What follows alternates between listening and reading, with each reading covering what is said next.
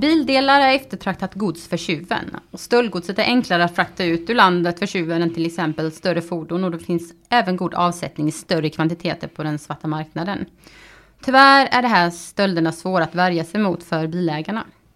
Du lyssnar på Larmtjänstpodden och idag ska vi prata om stölder av bildelar. Mitt namn är Åsa Lundin och i dagens avsnitt har jag Torbjörn Serander som är expert på fordonsbrottslighet och utredare här på Larmtjänst på plats. Eh, välkommen Torbjörn. Tack så du ha. Eh, kort, vad, vad gör du på Larmtjänst? Ja, min roll är här att eh, titta lite grann över fordonsrelaterad brottslighet, framförallt eh, stulna bilar, men allting som rör stölder som eh, drabbar försäkringsbolagen i princip. Och du har jobbat med fordonsbrottslighet väldigt många år? Det är nu 30 år. Mm. Inom polisen var det tidigare? Ja, 15 år inom polisen och nu 15 år på larmtjänst. Idag ska vi prata om eh, bildelar. Eh, och bara för att eh, kort gå igenom så att det inte blir några fel här. Det, vilken typ av bildelar är det som, som man tittar på här? Ja, för en fem sex år sedan så uppmärksammade branschen om att eh, det vi kallar för reservdelsstölder hade ökat ganska markant och skadekostnaderna ökade för försäkringsbolagen. Eh, då gjorde vi en inventering och så tittade vi på vilka skador som eh, var väldigt kostsamma och eh, kom fram då till att det var tre komponenttyper som, som stack ut lite grann. Och det var ju då huvudstrålkastare med xenonljus, det var airbags, och det var navigationssystem som är fabriksmonterade så att vi började titta lite närmare på dem. Så det är de här tre komponenterna som, som den här statistiken, om vi nämner lite siffror, det är den, de, de komponenterna som vi pratar om. Det är riktigt. Eh, hur, mycket, finns, hur mycket skäls det ungefär per år på de här komponenterna? Ja, det har varierat under åren lite grann men eh, de två sista åren så har väl siffrorna legat på runt eh, drygt 2000 stöldtillfällen. Men så hade vi, haft, hade vi de här åren eh, 2016 och framförallt 2017 som var bedrövliga rent ut sagt när vi var uppe över 4000 stöldtillfällen. Så de två senaste åren i alla fall, då har vi legat på eh, om drygt 2000? Ja, ungefär. Mm. Eh, hur, hur tar du fram statistiken? Eh, vi har ett samarbete med KAB AB som eh, där man har en skada och går till en verkstad så görs det ett, ett underlag till försäkringsbolaget för att se skadekostnader och vad som behöver repareras. Och utifrån den då så får vi ut statistik, anonymiserad statistik då som, som innefattar de här tre komponentdelarna då, så vi kan göra en statistik utöver det, utifrån det. Du nämnde lite innan hur det har, för jag kommer gå in lite på hur det ser ut idag, men hur faktiskt det har sett ut historiskt. För att du sa det att anledningen till att branschen började titta på den här typen av stölder var för att man såg en rejäl uppgång. Ja, det var riktigt. Så att om vi tittar på hur, hur långt tillbaka har man statistik? Eh, vi eh, har tagit ut från 2011. Mm. Eh, har vi, tittade, vi tittade lite i backspegeln hur det har sett ut, hur det såg ut ungefär för fem år sedan och sen efter det så har vi följt det år, årligen för att eh, se utvecklingen. Um, och om vi då går tillbaka fem år uh, ungefär i tiden och till idag, hur, uh, hur, hur har utvecklingen varit? Uh, som jag sa då, runt 2017 16-17 där så hade vi en eh, kraftig uppgång. Mm. Eh, därefter har det gått ner och nu ligger det väl ungefär runt 2000 stöldtillfällen. Och det beror ju till stor del väldigt mycket på ett lyckosamt eh, polisiärt arbete främst i Stockholm.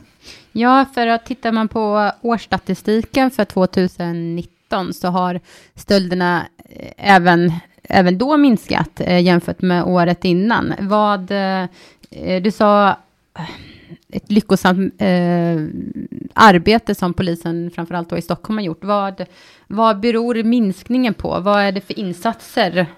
Det är säkert flera anledningar. Det kan vara att eh, kriminella sitter inne. Det kan också vara det här att gränspolisen i Stockholm har varit eh, väldigt målmedvetna. De har tittat långsiktigt. De har jobbat långsiktigt mot problemet. De har identifierat eh, ligamedlemmar och, och så vidare och eh, utifrån det då kunna helt enkelt gripa dem. Och det tror jag har fått en, eh, en avskräckande eh, verkan eh, som har gjort att de här eh, tillgreppen har gått ner. Under i vart fall första halvåret 2019 så gick de ner ganska mycket. Fick också signaler från försäkringsbolagen att skadekostnadsutvecklingen såg positivt ut. Eh, men tyvärr sista kvartalet 2019 så eh, var ligorna tillbaks igen och eh, det gjorde att siffrorna tyvärr steg lite grann. Mm. För tittar man på siffrorna så har det till och med hela andra halvåret 2019 så har ju till och med siffrorna gått upp så pass mycket så att det var fler stölder då än vad det var året innan. Men eh, vad du sa Stockholm här och det man också kan då se statistiken från 2019 är att faktiskt stölderna har min även om Stockholm är mest drabbat av stölderna så har faktiskt stölderna gått ner i den regionen.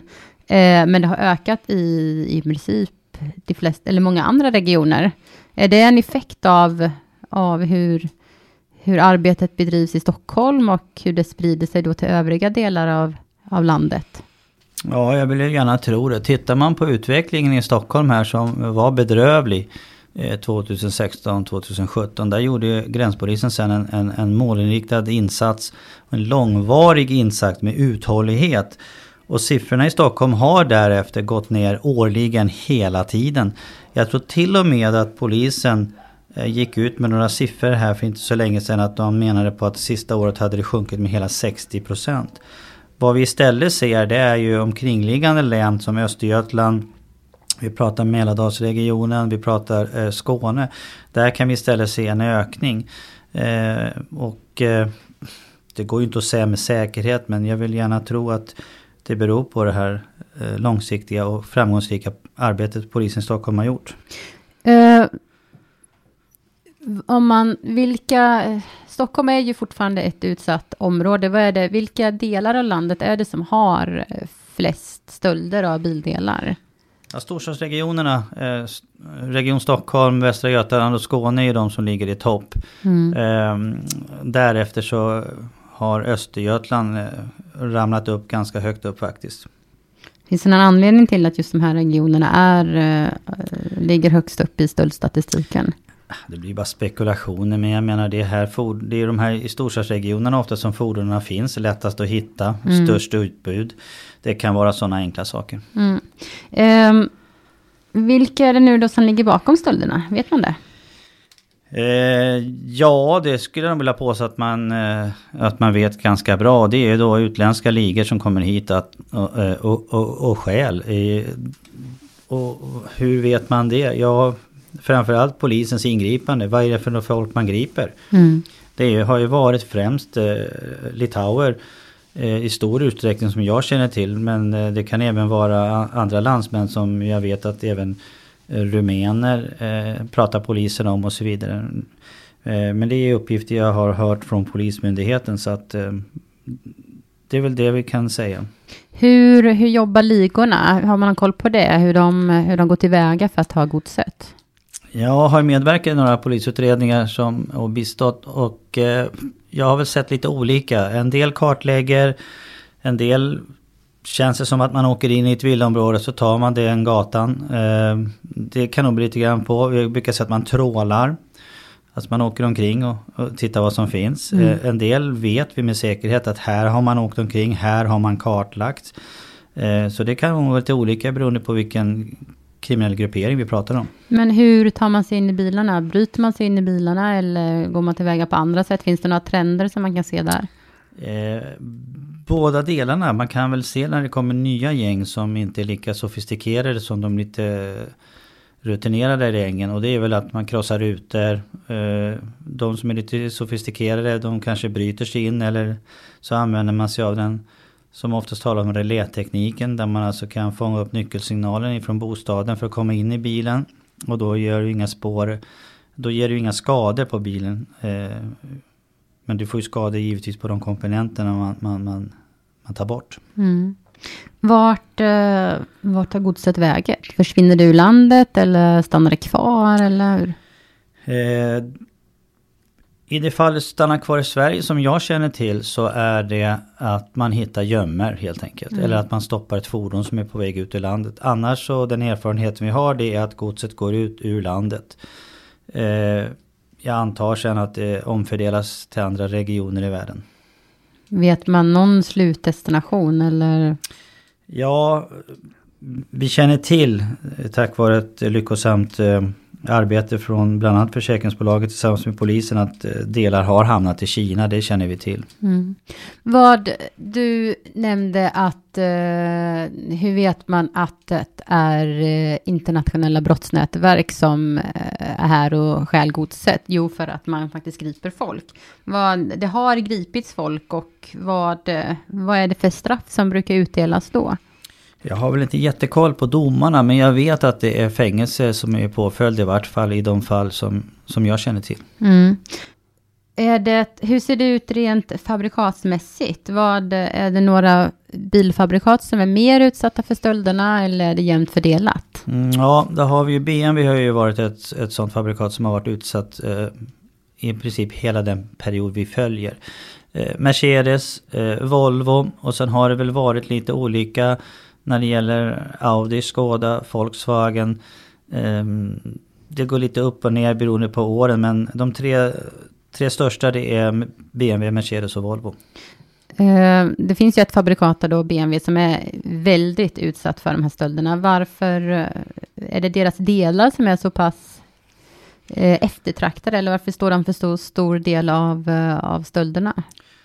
Svårt att säga egentligen. Jag, vet att eh, för något år sedan så pratade BMW själva att eh, det skulle kunna vara så att man eh, vad ska jag säga, förbättrade eh, vissa biltyper i vissa länder beträffande att man vill ha M-rattar och sådana saker. Att det kunde ha funnits de anledningarna. Men egentligen vet vi inte varför BMW sticker ut så pass mycket mer som alla andra fabrikat. Tar vi Volvo till exempel som ligger på tredje plats i ligan så är inte Volvo eh, jättevanligt i vissa länder i Europa och så vidare. Men BMW är känt över hela världen. Mm.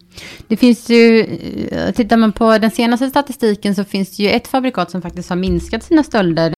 Volkswagen då. Eh, vad, eh, hur kommer det sig att de har lyckats? Det kan bero på helt enkelt att man har ändrat eh, eh hur sitt radiosystem fungerar. Tidigare så fanns det Volkswagen Radio Eh, 315 i navigation. och satt med fyra skruvar och var väldigt enkelt att plocka ur. Eh, idag består radiodelen med de här delarna av flera olika delar av komponenter. Det är inte lika lätt att stjäla dem längre och då kanske inte blir lika intressant för, eh, ehm, för tjuvarna. Eftersom om du ska uppgradera en bil så kanske det är lättare med en enhet. Ska du börja ge dig in i i elektroniksystemen och måste du kanske omprogrammera och göra sådana saker. Det kan vara en bidragande orsak, jag vet inte men det kan vara så. Mm.